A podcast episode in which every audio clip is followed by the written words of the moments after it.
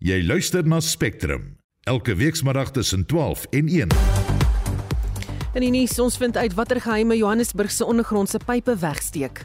So we're picking up a lot of methane. No H2S. Uh, this is a zoom pole camera. And um, from this zoom pole camera, I can see all the way under the ground here.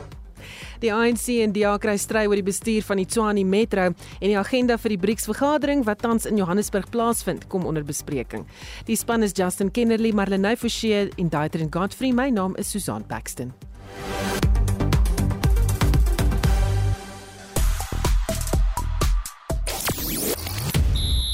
Nog net 3 dae bly oor voor die netbal wêreldbeker in Kaapstad afskop. Op dieselfde dag is Banyana Banyana in 'n moedwenwedstryd betrokke by die vroue sokker wêreldbeker. En hoe maak jy as 'n koerant aanhoudelik negatiewe stories skryf oor jou? As jou naam Cristiano Ronaldo is, dan koop jy die publikasie. Al die besonderhede volg net na 12:30. Nou op sosiale media vandag praat almal steeds oor Senzo Meyiwa se hofsaak wat aan die gang is. Die woord Vosloorus word ook in die konteks bespreek want een van die getuies het gesê hy het 'n man teen Kelly Kumalo se huis in Vosloorus se muur sien staan. Hierdie saak duur voort. Tshwane Metro word ook bespreek weens die staking deur werkers vir hoër salarisse daar. Ons berig later in die program oor kwessies in hierdie metro. En dan vra ons die vraag vandag: verhoogde wêreldwye suikerpryse het veroorsaak dat die prys van bruin en wit suiker in Suid-Afrika in Junie dieselfde paadjie geloop het. Die prys van 'n 80 gram blok sjokolade het byvoorbeeld die afgelope 6 maande met net uh, minder as 11% gestyg. Dis baie.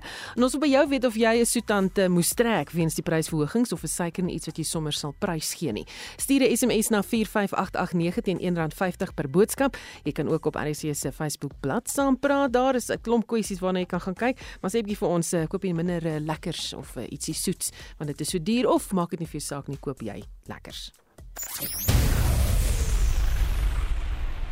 Jy luister na Spectrum elke weekmiddag tussen 12 en 1. Is nou bykans 7 minute oor 12. Die burgemeester van Tshwane Metro in Pretoria, Silje Brink, sê dit is sner dat die metro die swakste bestuurde metro in die land is. Dit volg na opmerking van die voorsitter van die parlementêre komitee oor samewerkende regering en tradisionele sake, water en sanitasie asook menslike nedersettings, China de Donvu. Hy sê dis die swakste bestuurde metro in die land. Die komitee het verlede week metros in Gauteng besoek en ons praat nou met 'n politieke ontleder aan Universiteit Pretoria Roland Henwood. Goeiemôre Roland. Middag Susan. So wat dink jy van die Dawes se opmerking oor die Tshwane Metro en die bestuur daar? Ek dink daar's twee aspekte wat 'n mens moet gebruik om dit te beoordeel. Die een is dat hy 'n ANC parlement is en die ANC is nog steeds baie seer dat hulle die beheer oor die Tshwane Metro verloor het. So dis die politieke konteks. Die ander aspek is wat gebeur op grondvlak en dit is baie duidelik dat die Tshwane Metro as regering onder geweldige groot druk is en baie probleme het. Of hulle die swakste metro in die land is, weet ek nie. Ek dink daar's 'n groot kompetisie tussen Johannesburg, ehm um, Nelson Mandela Bay en 'n paar ander om daardie titel te wen. So ek dink dit is outomaties Tshwane se voorreg om dit as dit beskryf te word nie. Dis interessant ja. Sê vir my, hy is Dovo is jy weet baie bekommerd oor die feit dat die metro nie behoorlik planne in plek het om sy skuld te bestuur en te vereffen nie. Is dit werklik so? Daar's groot uitdagings rondom die invordering van uitstaande skulde, maar ek dink daar's 'n dimensie wat nie genoeg aandag kry nie en dit is die kunary wat veronderstel is om hierdie funksies uit te voer. Daar's baie groot probleme en en en ek is bewus en 'n mens hoor dit van telke uh, male by mense wat sit met rekeningprobleme en hulle kry dit eenvoudig nie opgelos nie. En dit lyk asof die gesindheid by Tshwane se amptenare is, hulle besluit en jy betaal en basta en en dit lyk nie of die politieke leierskap nog regtig dit in onder beheer kon kry nie. En een van die probleme is natuurlik die aanstel van mense en veral op die bestuursvlak waar daar veranderinge um, onderneming van veranderinge gegee is, maar ons sien dit nog nie. Natuurlik die ander dimensie hiervan wat dit weer verpolitiseer is dat baie van die senior amptenare is ontplooide ANC kaders. Dit maak dit vir 'n koalisieregering wat van buite die ANC kom ook natuurlik moeilik. Hm. Wat dink jy van die burgemeester se reaksie op hierdie kommentaar? Uh is nogal sterk reaksie wat hy gegee het. Ehm um, en ek dink dit wys op die frustrasie maar ook die gevoeligheid. Roland, is jy daar? Daar word baie keer gepraat van die ehm um, ANC wat die administrasie gebring het, maar die DA koalisie is al van 2016 af aan bewind in Tshwane. So daar's rede tot kommer en ek dink daar's rede tot waarskynlik 'n bietjie meer ernstig kyk na wat hier gebeur. Hmm. En dan jy het nou nou gepraat van 'n paar metro's wat dalk swakker kan vaar. Is daar ander wat jy dalk wil belig? Ja, ek dink as jy mens kyk wat in Mangaung of Bloemfontein gebeur, ek meen dit is 'n totale ramp wat daar afspeel. Johannesburg sien ons um, baie dramatiese gebeure wat die verval en agteruitgang ondersteun en en en vir ons wys. Um, maar ons kan nie sê dat dit in Tshwane goed gaan nie. Daar's geweldige probleme met dienslewering, die afwesigheid van amptenare wanneer dit kom by dienslewering en en mense sien die agteruitgang in Tshwane ook. En en soos ek net nou gesê het, ek dink nie dit is net ehm um, die ANC se skuld nie. Daar's 'n kollektiewe verantwoordelikheid. Ek dink net nie daar's nog 'n kollektiewe sin vir hoe om dit te hanteer nie. Hmm. Het dit daaroor genoeg gefokus op die krisis wat op munisipale of metro vlak plaasvind landwyd of te veel gefokus op partytetiek? Ek dink 'n baie sterk partytetiese standpunt ingeneem. Hy het waarskynlik dit hanteer in die konteks van die komende verkiesing volgende jaar en dan die die blame probeer plaas op die DA en die DA koalisie en en ek dink dit is onbillik en ek dink dit is jammer dat 'n parlementêre oorsigkomitee op hierdie manier funksioneer. Dit is nie wat hulle veronderstel is om te doen nie en dit help nie om oplossings te bring nie. Baie dankie. Dit was die politieke ontleder eh, aan die Universiteit Pretoria, Roland Henwood. Die ANC misbruik die howe om nie sy kaderontplooiingsrekords te oorhandig nie. Dis die mening van die DA wat 'n Hooggeregshof saak gewen het waarin die hof gelas het dat die regerende party al die kaderontplooiingsrekords en dokumente sedert 2013 aan die DA moet oorhandig. Die ANC voer aan die publiek het geen reg om ingelig te word oor sy kaderontplooiing en hoe dit toegepas is nie. Ons praat nou hieroor met die DA LP en skadu minister vir staatsdiens en administrasie Dr Leon Schreiber. Goeiemôre Leon. Hallo Susan. Het die DA die ANC se petisie in appel of teen gestaan? Ekskuus tog ek het jou nie lekker gehoor nie. Herhaal net gou daai. Het die DA die ANC se petisie in die appel of teen gestaan? Ja. Ja, ons het ons opponerende stukke ingedien in daai saak. Uh en daai het ons uiteengesit uh wat jy nou noem daar dat ehm um, hierdie aansoek deur die ANC is regtig 'n mors van die hof se hulpbronne. Daar's geen vooruitsig van sukses nie. Uh omdat ons reeds in die Johannesburgse Hooggeregshof gesien het dat die die feit dat kaderontplooiing daarop neerkom dat 'n privaat organisasie in die vorm van die ANC inmeng by besluite in die openbare sektor maak onmiddellik 'n uh, 'n uh, uh, veroorsaak onmiddellik dat hulle rekords in die openbare belang gedeel moet word. So ehm um, die ANC het reeds die verlof tot appel verloor in die Johannesburgse Hooggeregshof en ons glo hierdie petisie gaan ook nie slaag nie. Is daar enige aanduiding wanneer die hof uitspraak sal gee? Uh dit hang nou af of hulle enigsins die ANC se argumente wil aanhoor. Ehm um, die die hof kan kyk na die stukke wat ingedien is en eenvoudig besluit dat daar geen vooruitsig van sukses is nie. Is dit die geval is dan kan die saak binne 'n kwessie van 'n maand of twee waarskynlik besleg word. Ehm um, maar dit is natuurlik 'n diskresie wat die hof het en ons sal wag om dit te hoor. Ek dink is wel net belangrik ehm um, sommer om aan te aan te sluit by jou jou vorige gesprek as jy kyk na die probleme wat kaderontplooiing steeds veroorsaak in die Tshwane Metro alhoewel die ANC nie meer in beheer is nie is dit dit maak eintlik die punt waarom die publiek die reg het om te weet hoe daai persoon in die eerste plek aangestel is deur middel van kaderontplooiing. Hmm. Glo julle dat die ANC se kaderontplooiingsdokumente wel mettertyd aan julle oorhandig sal word? Ja, ons glo so. Ons ons glo dat ons beslis die die saak gaan wen, uh, ongeag hoe lank die ANC dit probeer uitreik. En ek dink 'n belangrike aspek van uh, wat tot dusver voor die howe was, is dat die ANC op geen stadium aangevoer het dat die dokumente nie bestaan nie of dat dit nie beskikbaar is nie of dat daar een of ander rede is waarom ons dit nie, nie in die hande mag kry nie. So ek dink die vraag hier is bloot 'n wetlike een en daai vraag voel ons baie sterk oor uh, sal ons wen en dan is dit 'n geval van afdwing die bevel van die hof en ons het vreed voorheen gesê as die ANC die die hof sou minag deur te weier om hierdie goed openbaar te maak dan sal ons teruggaan en hulle verantwoordbaar hou vir minnigting van die gereg. Hoekom is dit vir julle so belangrik om hierdie dokumente te kry? Wat uh, probeer julle bereik? Wel, dis in die eerste plek krities dat ons verstaan waar die ware mag om aanstellings te maak in Suid-Afrika lê. En en ons moet kan verstaan hoe die mense wat die staat gekaap het, hoe die mense wat steeds korrupsie pleeg en beerdkrag veroorsaak in daai posisies aangestel is. Dis eers wanneer ons weet presies hoe hierdie stelsel werk dat ons kan begin om dit uit te roei. Ehm um, dit is waarom die DA ook in 'n aparte hofsaak in die hof is om om kaderontplooiing ongrondwettig te verklaar. Maar die feit van die saak is ons gaan slegs so bevel kan implementeer as ons verstaan hoe dit werk en dis waaroor hierdie spesifieke saak gaan. Hmm. Probeer julle ook uh, uitvind wat president Cyril Ramaphosa se rol in kaderontplooiing was? Ja, absoluut. Ehm um, ek dink die president het steeds ernstige vrae om te beantwoord rondom sy betrokkeheid by kaderontplooiing en die aanstelling van die persone wat die staat gekaap het. Ehm um, dis baie interessant dat toe die Zondo-kommissie vir uh, Ramaphosa gevra het om notules van die uh, komitee uh, te deel, het hy gesê hy kon nie enige notules skryf van voor 2018 nie. Ehm um, ons glo nie dat dit die geval is dat daar nie notules is nie. Dis ook waarom ons gevra het vir baie meer as notules. Ons vra vir e-pos korrespondensie, WhatsApp gesprekke, CV's wat oorweeg is. Uh, en ons glo dat as jy terug sou gaan na 2013 toe Ramaphosa die voorsitter van hierdie komitee geword het en jy kry al daai records, uh ons vir die eerste keer sal kan sien dat Ramaphosa nie 'n onskuldige bystander was pas nie. Hy was hmm. betrokke by die aanstellingsproses van staatskaping. Baie dankie. Ons het gepraat met die DALP en skare minister vir staatsdiens en administrasie Dr Leon Schreiber. Ons bly by rassekwessies en by die Demokratiese Alliansie wat vandag opgeruk het na die parlement in Kaapstad in uh, teenstand of weerstand teen die regering se wysigingswetsontwerp op gelyke indiensneming. Die wetsontwerp wat die DA kortweg die wet op rassekwotas noem, vereis dat maatskappye met meer as 50 werknemers diensbillikheidsplanne indien wat spesifiseer hoe rassekwota teikens bereik sal word.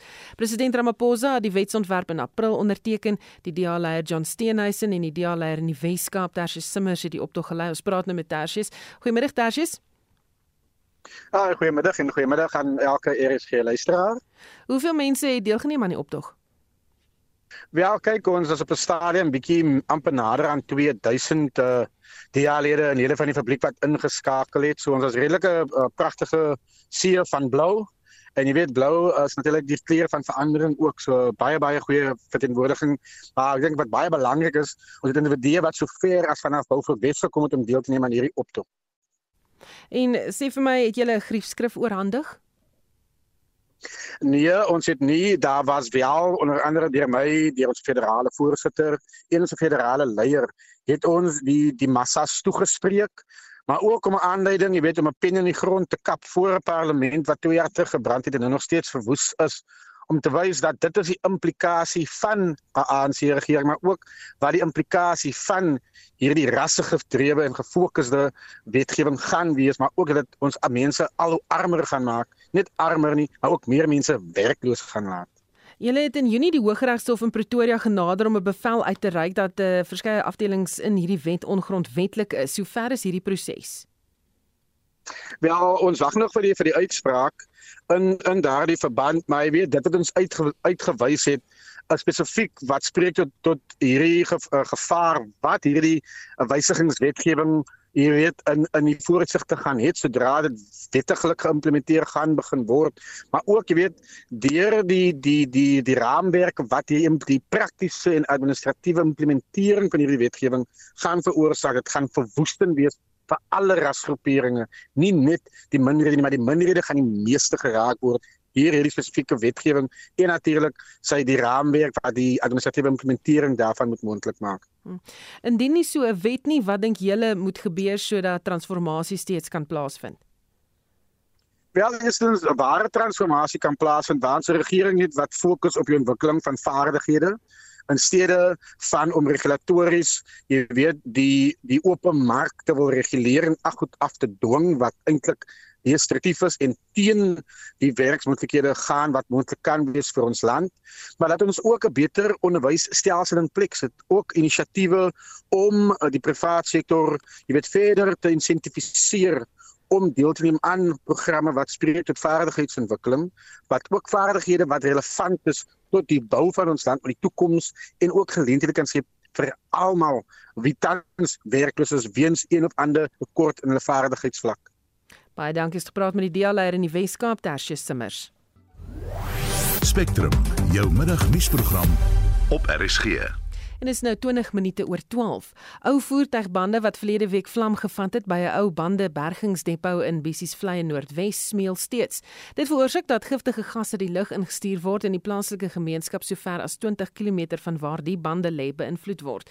Ons praat nou met ons verslaggewer in Noordwes Lizet Labeskagni oor die jongste. Goeiemôre Lizet. Goeiemôre Susan. So wat is die jongste wat betref die bande en of die brand geblus gaan word? Susan die bande brand nog steeds en dit gaan um aanhou brand totdat daar 'n doelbewuste besluit geneem word oor hoe hulle hierdie brand wil doodmaak. Nou die opsies wat op die tafel is is dat dit water gespuit moet word wat ons weet nie gaan werk nie want dit gaan duisende liter water um benodig om daardie um, bande dood te maak. En dan natuurlik het hulle ook dan op die tafel gesit 'n tipe van 'n skuim wat jy met jou water kan meng en dit kan dan nou ook um die brand doodmaak. Dit het ook nou nog nie gebeur nie. So toe hulle nou Woensdag vergader het, het die gemeenskap en die uh, verskeie departemente ooreengekom dat hulle um, grond oor die um, bande moet stoot en dan gaan dit dan nou later gerehabiliteer moet word. En dit ek dink is wat hulle nou besluit het om te doen, maar intussen het dit nou nog nie gebeur nie en hulle gaan dan nou Vrydag in Bissies Vlei 'n finale vergadering hou oor hoe presies hierdie um, bande geblus moet word. In die tussentyd is jou omgewings van Sannieshof en selfs Lichtenburg waar ek gisteraand was uh, met erge rook wat in die dorpe hang. Jy um, kan nie regtig eers sien baie ver nie want dit is so vaal van die um, rook en jy kan ook 'n baie sterk rook ruik daar. Hmm. Ek nou vir jou vra as daar klagtes van die gemeenskap af oor daai reuk en miskien asemhalingsprobleme. Ek dink die probleem is jy kom nie regtig dadelik agter dat jy geaffekteer raak deur hierdie rook nie. Dit lyk net so half asof jy 'n um, bietjie vroeg donker geword het in jou dorp. So daar's hierdie vaal rook wat so op die horison lê en as jy dan nou 'n rukkie daar is dan begin jou neus brand en jy ruik hierdie 'n um, snaakse reuk die hele tyd. Ehm um, so dit is my baie kommerwekkend veral vir die wat nie noodwendig weet dat dit deur hierdie rook veroorsaak word nie en wat moontlik reeds um, um, probleme met hulle asemhaling het en lankdurig daaraan blootgestel word. Um, ek kan nie dink dat dit um, gesond kan wees nie. Hm. En is daar enige aanduiding van wanneer daar besluit gaan word hoe hulle hierdie brand gaan blus? So Vrydag gaan hulle nou weer vergadering hou. Dit is die departemente van omgewingsake grootliks wat hierdie vergadering gaan bywoon en dan nou die plaaslike inwoners. So behalwe nou natuurlik dat hulle moet besluit oor wanneer die bande geblus moet word en hoe dit gaan gebeur, het die gemeenskap ook toe nou vir die departement gesê teen die einde van September moet alle bande van daardie perseel verwyder word. Die departement het vroeër aangedui dat hulle nie dink hierdie is die korrekte plek vir hierdie bergingsdepot nie omdat dit so naby is aan ander huise en hulle sal dit skuif. Die gemeenskap sê egter dit moet gebeur binne 2 maande en daarna sal daar rehabilitasie moet gebeur van die grond daar. Ehm um, en dan uh, daarna sal hulle dan nou ehm um, finaal moet kyk of die die perseel weer ehm um, geskik is vir ehm um, landbou. So ons sal nou Vrydag dan nou ehm um, vlei toe gaan en dan nou hopelik hoor wat die finale besluit is rondom wat presies gaan gebeur op hierdie bergingsperseel.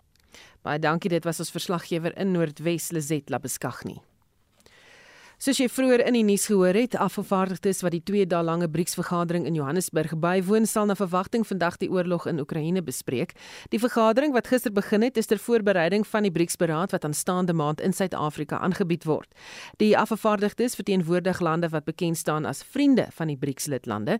Dit is verteenwoordigers van Egipte, Burundi, Kuba, Belarus, die Verenigde Arabiese Emirate, Saudi-Arabië, Iran en Kazakhstan.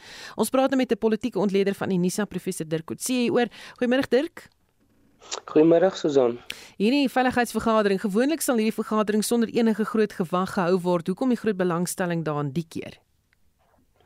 Wel ek dink in eerste instansie is as gevolg van die oorlog in die Oekraïne. Dis 'n wêreldgebeure nou. Dit is reg oor die wêreld is dit absoluut relevant. Uh die sekuriteitssituasie wat dit geskep het, raak die hele Europa, dit raak Amerika, dit raak China, dit raak Rusland natuurlik. So dit is eintlik 'n tipe van 'n is is in terme van skaal nie baie kleiner as die Tweede Wêreldoorlog of die Eerste Wêreldoorlog nie. Um in in in terme van die die hoeveelheid lande wat val indirek daardeur geraak word of wat wat wapens voorsien. So dit is 'n absolute sekuriteits fokuspunt vir vir die hele wêreld.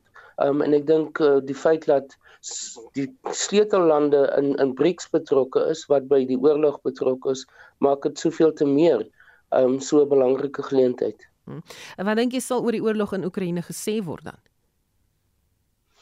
Dis moeilik om uit uit te werk presies wat wat die verskillende posisies gaan wees. Ek meen lande het verskillende het verskillende posisies wat hulle het. Ons het dit gesien in die proses van stemming in die velle in die veiligheidsraad sowel as in die algemene vergadering van die VN hoe verskillende lande daar's ten minste 3 posisies die wat die russe ondersteun wat relatief min is uh, die wat uh, wat uh, soort van die Oekraïne ondersteun en die wat dan uh, in in 'n onverbonde posisie is. Um en daardie posisie sal waarskynlik aangaan um, en sal weer herges uitgespreek word um, in hierdie byeenkomste. Maar ek dink nie ons moet sê dis net oor die die, die oorlog wat hier bespreek gaan word nie.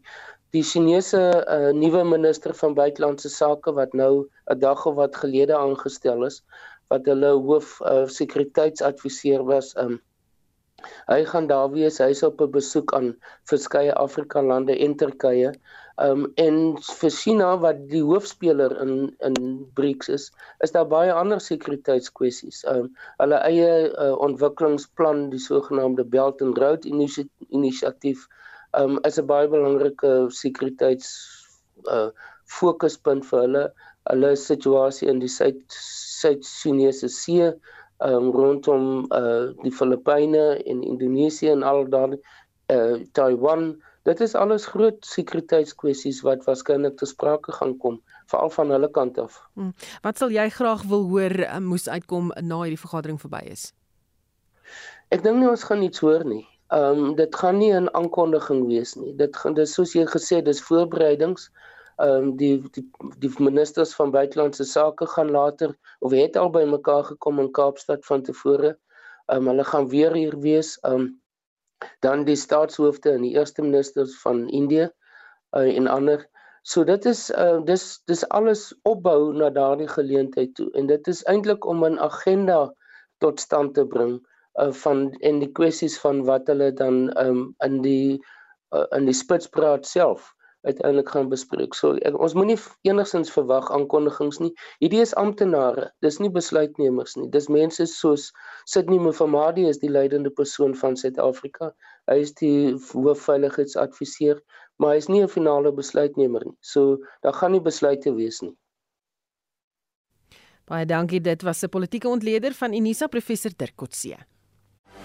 Jy luister na Spectrum. Elke week saterdag tussen 12 en 1. Later uh, in die program streng lisensie vereistes kelder die uitrol van Starlink dienste in Suid-Afrika. Okosa was besig om te kyk na hersiening, maar hulle wou dit nog strenger gemaak het. Hulle wou gesê het dis nie net enige benadeelde groep nie, hulle wou dit verander na 30% swart eienaarskap toe. Bly ingeskakel.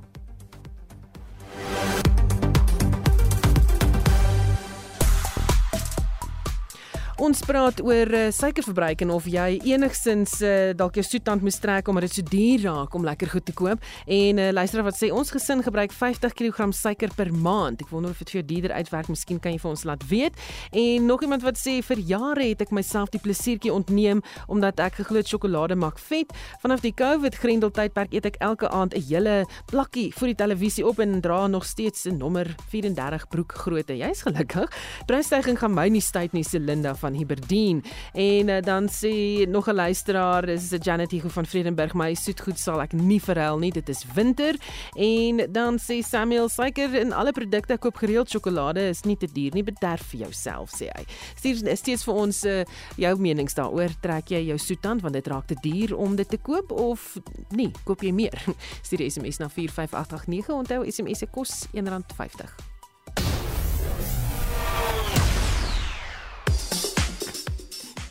Goed, Oudo Karls is sluit nou by ons aan met die sportnuus. Goeiemiddag Oudo. Middag Susan. Nog 3 dae bly oor voor die netbal wêreldbeker in Kaapstad afskop. Vertel ons daarvan. Ja, Suid-Afrika is na, natuurlik feite keer in die wêreld. Hulle staan besig met afrondingswerk en Vrydag 4 namiddag speel die gasheerland hulle eerste wedstryd in die toernooi. Dis nou teen Wallis. Toernooi uh, selfskop 9:00 die oggend uh, af met Nieu-Seeland teen Trinidad en Tobago, terwyl Australië 11:00 die oggend vir Zimbabwe aanpak. Die president van Wêreldnetbal, Liz Nicol, het gister met die met haar aankoms hier in Suid-Afrika net lof gehad vir die organisering van Afrika se heel eerste Wêreldbeker wat 60 jaar plaasvind na die heel eerste toernooi in Eastbourne in Australië. Ons sal Vrydagoggend op monitor die Wêreldbeker amptelik in inhuldig. Ons het klink vir my lekker. Kom ons verskuif dan die fokus na nog vroue sport, die sokker Wêreldbeker. Ja, Spanje het vanoggend 'n uh, beheer oorgeneem van groep C met 'n 5-0 oorwinning oor Zambië. Nou Japan het ook 'n 2-0 oor Costa Rica geseëvier. Spanje en Japan word dan die eerste twee spanne wat deurdrang na die ronde van 16. Die dag se laaste wedstryd gee geleentheid aan die voormalige Banyana Banyana afrigter Vera Pauw om hul eerste punte aan te teken wanneer haar Ierse span 2 uur teen Kanada te staan kom. Ierland is die enigste span in groep B wat nog 'n punte soek. En onthou, Banyana Banyana maak gereed vir hul kragmeting Vrydag 2 uur die oggend. Dis nou teen Argentinië. Albei hierdie twee spanne soek nog punte in groep G. Gaan jy opstaan en kyk? Ek sal seker wakker wees. Voorbereiding vir monitor mos Vrydagoggend, Susan. Daar sê eerstehandse nuus wat ons gaan kry. Die Bokke maak ook gereed vir hulle laaste wedstryd op tuisbodem vir die Wêreldbeker. Ja, alle paaie lei Saterdag 5 uur na Ellis Park vir uh, die Bokke se kragmeting teen Los Pumas. Uh, Dwayne Vermeulen is weer eens kaptein na die span gister bekend gemaak is. Hierdie besonderhede ken ons natuurlik, maar uh, die kombinasie waarna almal uitsien is Manny Libok op losskakel en Grant Williams wat vir die eerste keer uitdraf in die 15-taal op skrimskakel. Nou Williams is een van 5 skrimskakels in uh, die spelersgroep uh, by die Bokke en kom hy en Libok goed oor die weg in die skakelvernootskap, gaan dit vir die afrigspan baie gee om oor te dink. Nege veranderinge natuurlik aangebring vir die wedstryd teen Argentinië na verlede naweek se nederlaag teen Nieu-Seeland. Baie dankie, dit was Udo Karelse met die sportnuus. Spectrum, jou middagnuusprogram op RSG. Dis nou uh 12:34 jy luister na Spectrum en die premier van Gauteng Panjasa Lusufi sê hy gaan moontlike onafhanklike komitee aanstel om die ontploffing in Lillian Ngoyi straat, beter bekend as Breë straat, te ondersoek. In 'n poging om uit te pleis wat tot die ontploffing onder Breë straat gelei het, is 'n uh, Orsko Newflow deur die Johannesburgse Metro aangestel en Esie de Klerk het gaan uitvind wat hulle doen. So this is what we use to scan inside sewers and we're going to drop this down into the sewer Dis die stem van Dion Parelli, die besturende direkteur van Orsko Newflow. So, we've launched the first drone in because there was a massive gas explosion. We've got gas coming out all over the place here. The whole of Bree Street has been destroyed and we're going to be mapping it. We've got radar. Most of the pipes have all been displaced here. The drone will map out everything Maar hommeltuie is nie die enigste tegnologie wat die maatskappy gebruik om die ondergrondse pipe in Breestraat te ondersoek nie. Parelli verduidelik presies hoe hulle te werk gaan om die ondergrondse pypnetwerke in stede en dorpe te ondersoek. So we're a pipe rehabilitation company and we do trenchless, which means that we fix pipes without digging up the road. And in order to do that, we need to put robots into the pipes and then we need to assess the situation because many times you don't have to dig. And a lot of the times in South Africa, people are replacing entire pipelines. And in fact, you just do a little small repair in an isolated place. So this is Egoli gas pipe. This is a 300 millimeter pipe. The, the pipe is actually still in very good condition. Can you believe it? Look at the stuff at the bottom of the pipe. So those pipes were installed in 1943. That means that those pipes are 80 years old. You would expect an 80 year pipe to be fraught. Actually, the truth is, some of that steel has got beautiful wall thickness and there's a lot of integrity. However, you're going to have problems in other places. So, our job is to look at the pipe, but you don't just look at the pipe in its own individual capacity. You've got to look at it holistically. The pipe is sitting in an environment.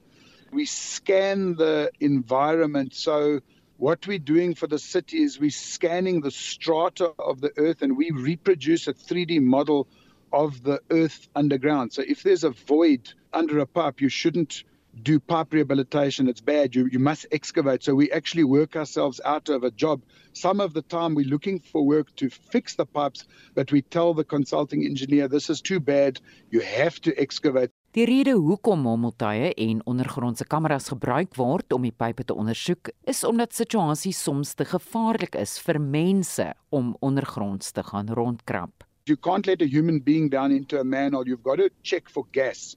And in this particular case, even if this wasn't the Bree Street explosion, if I was working in Pretoria or Shoshanguve, I mean, we've got vehicles now in Cape Town and Durban at the moment. So wherever our vehicles are, the first thing that you do is you look for gas. And in this case, we've got methane. Now, methane is lighter than the atmosphere. The chemical composition is CH4. Methane goes up. Hydrogen sulfide goes down. It's heavier than the atmosphere. And both of these gases are the byproduct of stress. So you've got to detect for the gases first. Then what you do is you put a pole into the pipe. We've got a zoom pole camera. So it's like a GoPro, except for it's very high powered and it's got exceptionally strong beams. And we'll take a video of the pipe. Die inligting word dan na 'n tablet gestuur en met die inligting word 'n profiel van die ondergrondse pyplyn-netwerk saamgestel. We would fly the drone in or drive the crawler in and we will take a video of the pipe. I want to see if the joints are displaced. In this case, they are displaced. And then we will create a profile of the pipe because that pipe runs all the way down to a main outfall sewer about 1.2 kilometers away. Hy sê hulle sal nog geruime tyd met die ondersoek besig wees. All the buildings are connecting into all of these pipes. So you've got multiple tenants. So now you've got little pipes going into a big pipe, but the little pipes are broken or dislodged. So, from your investigation into the pipes um, in that area in Brea Street, Dion, what were the main findings so far? There's so much conjecture there, and there's a lot of methane we know for a fact that there was a seismic occurrence. We know for a fact that there's a lot of methane under the ground. We are ventilating those manholes, so the methane is dissipating, but there's just so many people involved. I'm just a contractor harvesting data. I'm not a clever engineer. There's clever guys that'll make the decisions, SD. Dit was Dion Borelli, die bestuurende direkteur van Orsco New Flow. Ek is Estie de Klerk vir SAK nuus. Dis nou 20 minute voor 1. Die onafhanklike kommunikasieowerheid van Suid-Afrika, oftewel Okosa, het aan die media bevestig dat SpaceX nie weer kontak gemaak het om aansoek te doen vir 'n operasionele lisensie vir sy internetmaatskappy Starlink nie. Dit word wyd toegeskryf aan die vereistes wat bepaal dat 30% van die maatskappy aan voorheen benadeelde groepe in die land moet behoort. Marlene Forshey by die redakteur van My Broadband, Jan Vermeulen gaan hoor hoe Starlink werk en wat die gesprekke om die wetgewing is in die industrie. Dit is basiese antenna wat jy dan net opkoppel. Ja, kom aan krag, ja, kom aan toerusting, jou rekenaar of so iets. Daar's 'n Wi-Fi router wat aan hom gekoppel word wat deel is van die kit wat jy koop. Dit kan nogal 'n duur uitleg wees om hierdie toerusting aanvanklik te koop. Van daar af is die proses heel maklik. Daar kom die hele tyd 'n nuwe satelliet oor jou kop en die antenna verstel homself outomaties om aan die beste satelliete te koppel. SpaceX spits hom nou toe op Afrika om die tegnologie uit te rol en is volgens Vermeulen ideaal vir veral afgeleë gemeenskappe. Enige plek waar jy 'n redelike aansig het van die lug en waar daar nie pesel is nie. Starlink offer uncapped 'n breëbanddienste wat in lyn is met vesel. Nou in Suid-Afrika, daar's nog nie genoeg satelliet wat verby Suid-Afrika wentel om jou toe te laat om byvoorbeeld aanlyn gaming of enige so iets te kan aanpak nie. Maar jy behoort te kan Netflix kyk en uh, dis meer sonder enige probleme en selfs groot lers van die internet aflaai. Jy kry 100 plus, honderde selfs meegegrepe per sekonde spoed. Mense kan dink 'n klein gemeenskap of dit nou 'n village of 'n dorp is waar daar 10 of 15 of 20 families nou saamklub om die terminaal te koop en dan plan maak om 'n gemeenskaplike netwerk te bou. Ewe skielik het jy 'n lewensveranderende breëband koneksie beskikbaar aan jou gemeenskap. Dit is reeds operasioneel in verskeie Afrika lande soos Kenia en Mosambiek en volgens Vermeulen dat die maatskappy se webtuiste verder aan dat bykans al Suid-Afrika se buurlande die diens gaan verkry voor Suid-Afrika. Maar hoekom? Want Ukosa se vereistes om 'n operasionele lisensie uit te reik, bepaal dat 30% van aansoekers se maatskappye aan plaaslike groepe wat voorheen benadeel is, moet behoort is glad nie nuut nie. Dis al lank op die wetboeke. Dit is van toepassing op ons huidige internetdiensverskaffers in die land. Maar daar is dalk vrae te vra hier, harde vrae wat Suid-Afrika en Suid-Afrikaners moet vra oor of dit nie begin nodig word om hierdie reëls te hersien nie. Okosa was besig om te kyk na hersienings, maar hulle wou dit nog strenger gemaak het. Hulle wou gesê het dis nie net enige benadeelde groep nie, hulle wou dit verander na 30% swart eienaarskap toe en daar's natuurlik hard geskok daarteenoor in die bedryf en daai verandering is vir nou op pause Hy meen die gesprekke is relevant omdat dit selde gebeur dat die teikende mark van hierdie beleid baat vind weens korrupsie. Hy meen dit is tyd om te vra wie werklik deur iets so Starlink bevoordeel kan word. Dit is tot my mening 'n ongelooflike groot nadeel dat mense op afgeleë gebiede in Suid-Afrika nie Starlink kan kry nie as gevolg van hierdie reël die reël help nie die mense in daai gebiede nie. Daar moet maniere gekry word om of uitsonderings te maak of die reëls moet heeltemal afgeskaf word en ons moet gaan na 'n mark sonder enige equity reëls. Dis 'n harde gesprek om te hê en daar is ek nie 'n groot kenner op die gebied nie, maar ek maak staat op ekonome soos Thomas Sell wat wel vir jare en jare na hierdie tipe reëls en ekonomie gekyk het en tot die gevolgtrekking gekom het dat dit nie werk nie. Dit was Jan Vermeulen, redakteur van My Broadband. Marlene Forsie, SAK nuus. Ons bly by die storie en praat nou met 'n onafhanklike raadgewer in kommunikasiereg en 'n ereprofessor aan Witse Link Sentrum, Justine Limpetlaw. Good afternoon, Justine. Hello, how are you? I'm good, but if an international organization like SpaceX wants to apply for an operating license in South Africa, what are the key requirements?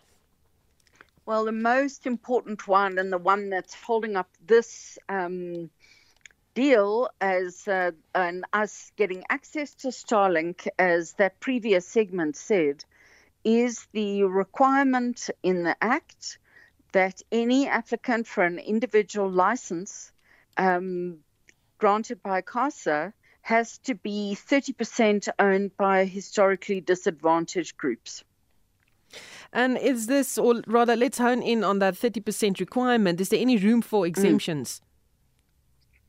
There's no room for exemptions. And in fact, this it's very good that you asked that question because this has already been determined in our courts in a court case involving uh, Telkom and ICASA in the High Court uh, here in Gauteng in 2016, where the judge found that the language was peremptory of that requirement and in the in the court case in the judgment it says an applicant must arrive at a ICASA's door with a minimum of 30% HDG historically disadvantaged group shareholding. So um, yeah. if you don't have that, you cannot be granted the license a is, license. Yeah, is this a requirement unique to South Africa? Um, there are local ownership requirements in a number of different countries, particularly around strategic industries such as broadcasting, for example. But I'm not aware of these kinds of obligations um, you know, HDG obligations, um, they're, they're less and less common. And frankly, I can't think of one off the top of my head. Mm. And the reason they are less and less common is that telecommunications are um, competitive sectors all over the world now.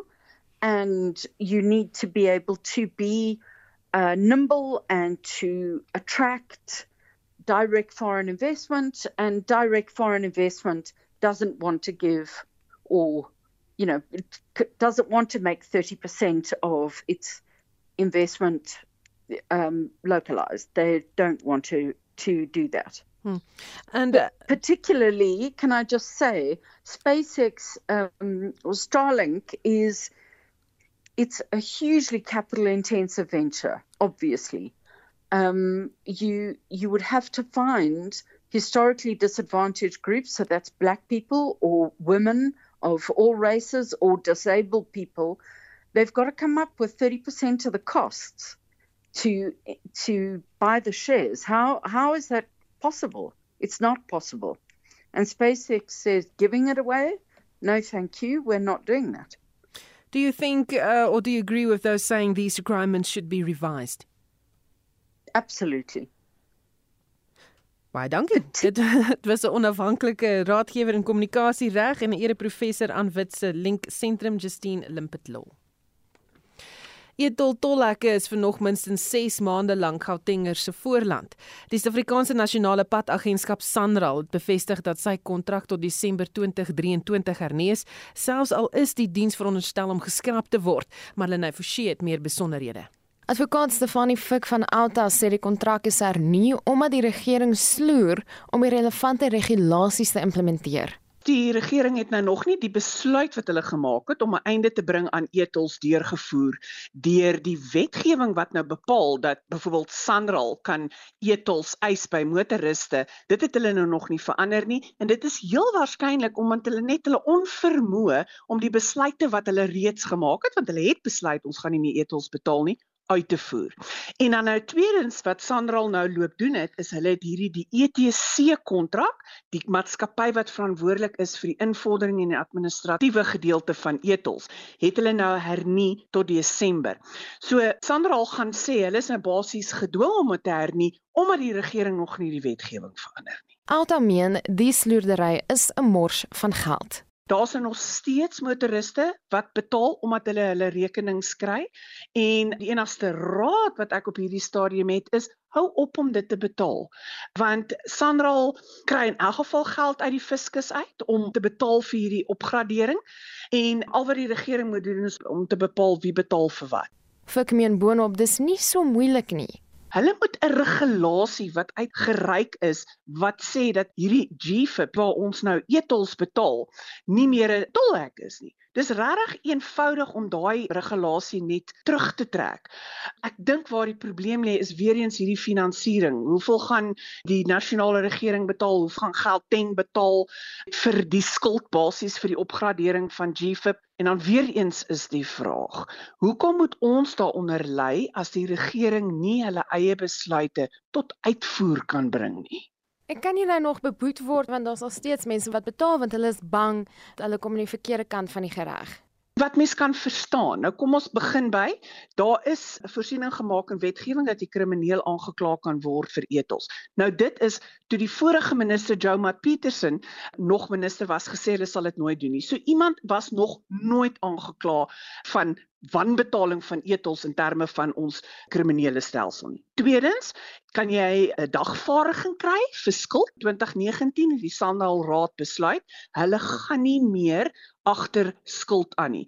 So behalwe vir die klomp dagvaardings wat Alta namens mense verdedig het, was daar van daai tyd af glad nie meer dagvaardings nie. So al wat Sandral nou doen in hierdie maatskappy namens Sandral is om kom ons noem dit letter of demands uitstel wat sê as jy nie nou betaal nie, gaan ons stappe neem. Hulle gaan nie stappe neem nie. Hulle het nie stappe geneem sins 2019 nie. En as hulle doen, gee ons 'n luitjie want ons het gesê solank as wat ons bestaan en die geld het sal ons jou verdedig, maar dit gaan nie gebeur nie. Dit was advokaat Stefanie Fik van Alta, Marlene Forsie, SAK nuus.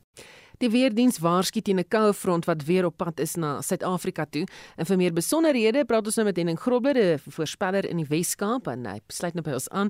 Goeiemôre Henning. Dis 'n goeiemôre Unita. Uh, dis Susan, maar sê gou vir my wat weet ons van hierdie front? Ekskuus Susan. Verskoon tog.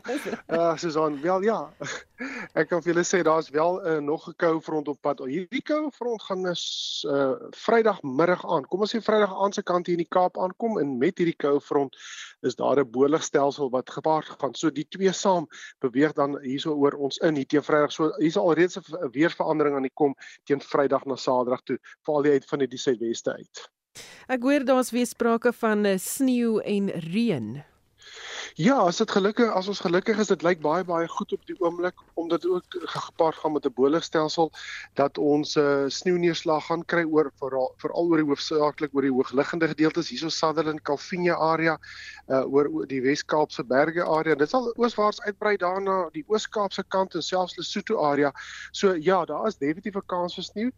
Uh, Reënneerslag lyk ook baie belovend veral hier langs ons suidkus as gevolg van die hoog wat gaan rig en dit gaan vir ons 'n bietjie uh ander cutting gee soos ons nou sal noem en so daar kan goeie neerslag langs die suidkus ook gee. So dit lyk goed, maar ek dink die groot ding waarna ons ook moet kyk is dat daar's 'n groot verandering in die weer. Uh, ons uh, wil die mense leer dat weet hier is 'n koue front wat inkom, ons temperature gaan weer kwaai val oor die binneland. Uh, dit gaan nat en koud wees en die mense moet maar lank voorberei daarop wees.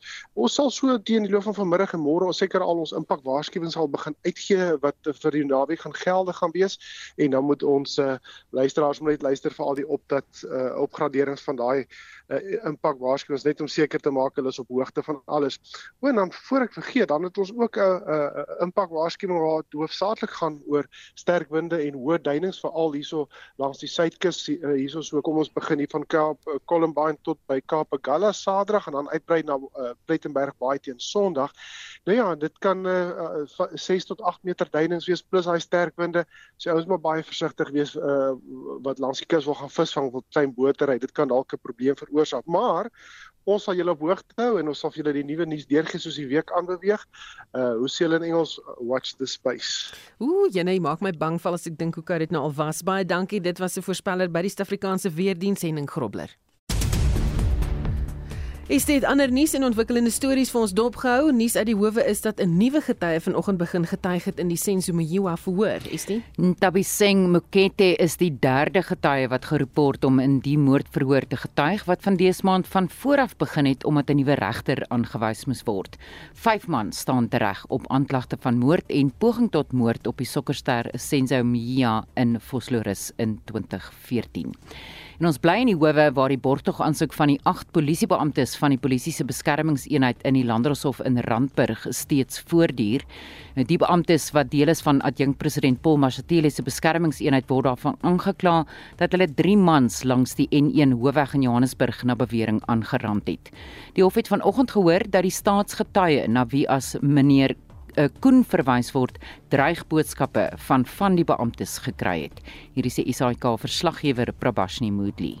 State prosecutor advocate Elise LaRue told the court that the evidence from the state witness corroborates with that of the video footage widely circulated on social media. State witness referred to as Mr. Kun, who works in the security industry, received the video from the motorist who recorded the footage on the N1. The court is expected to play the video for the viewing of the lawyers representing the accused. The state has indicated that their investigation is at an advanced stage, however, key leads are being followed.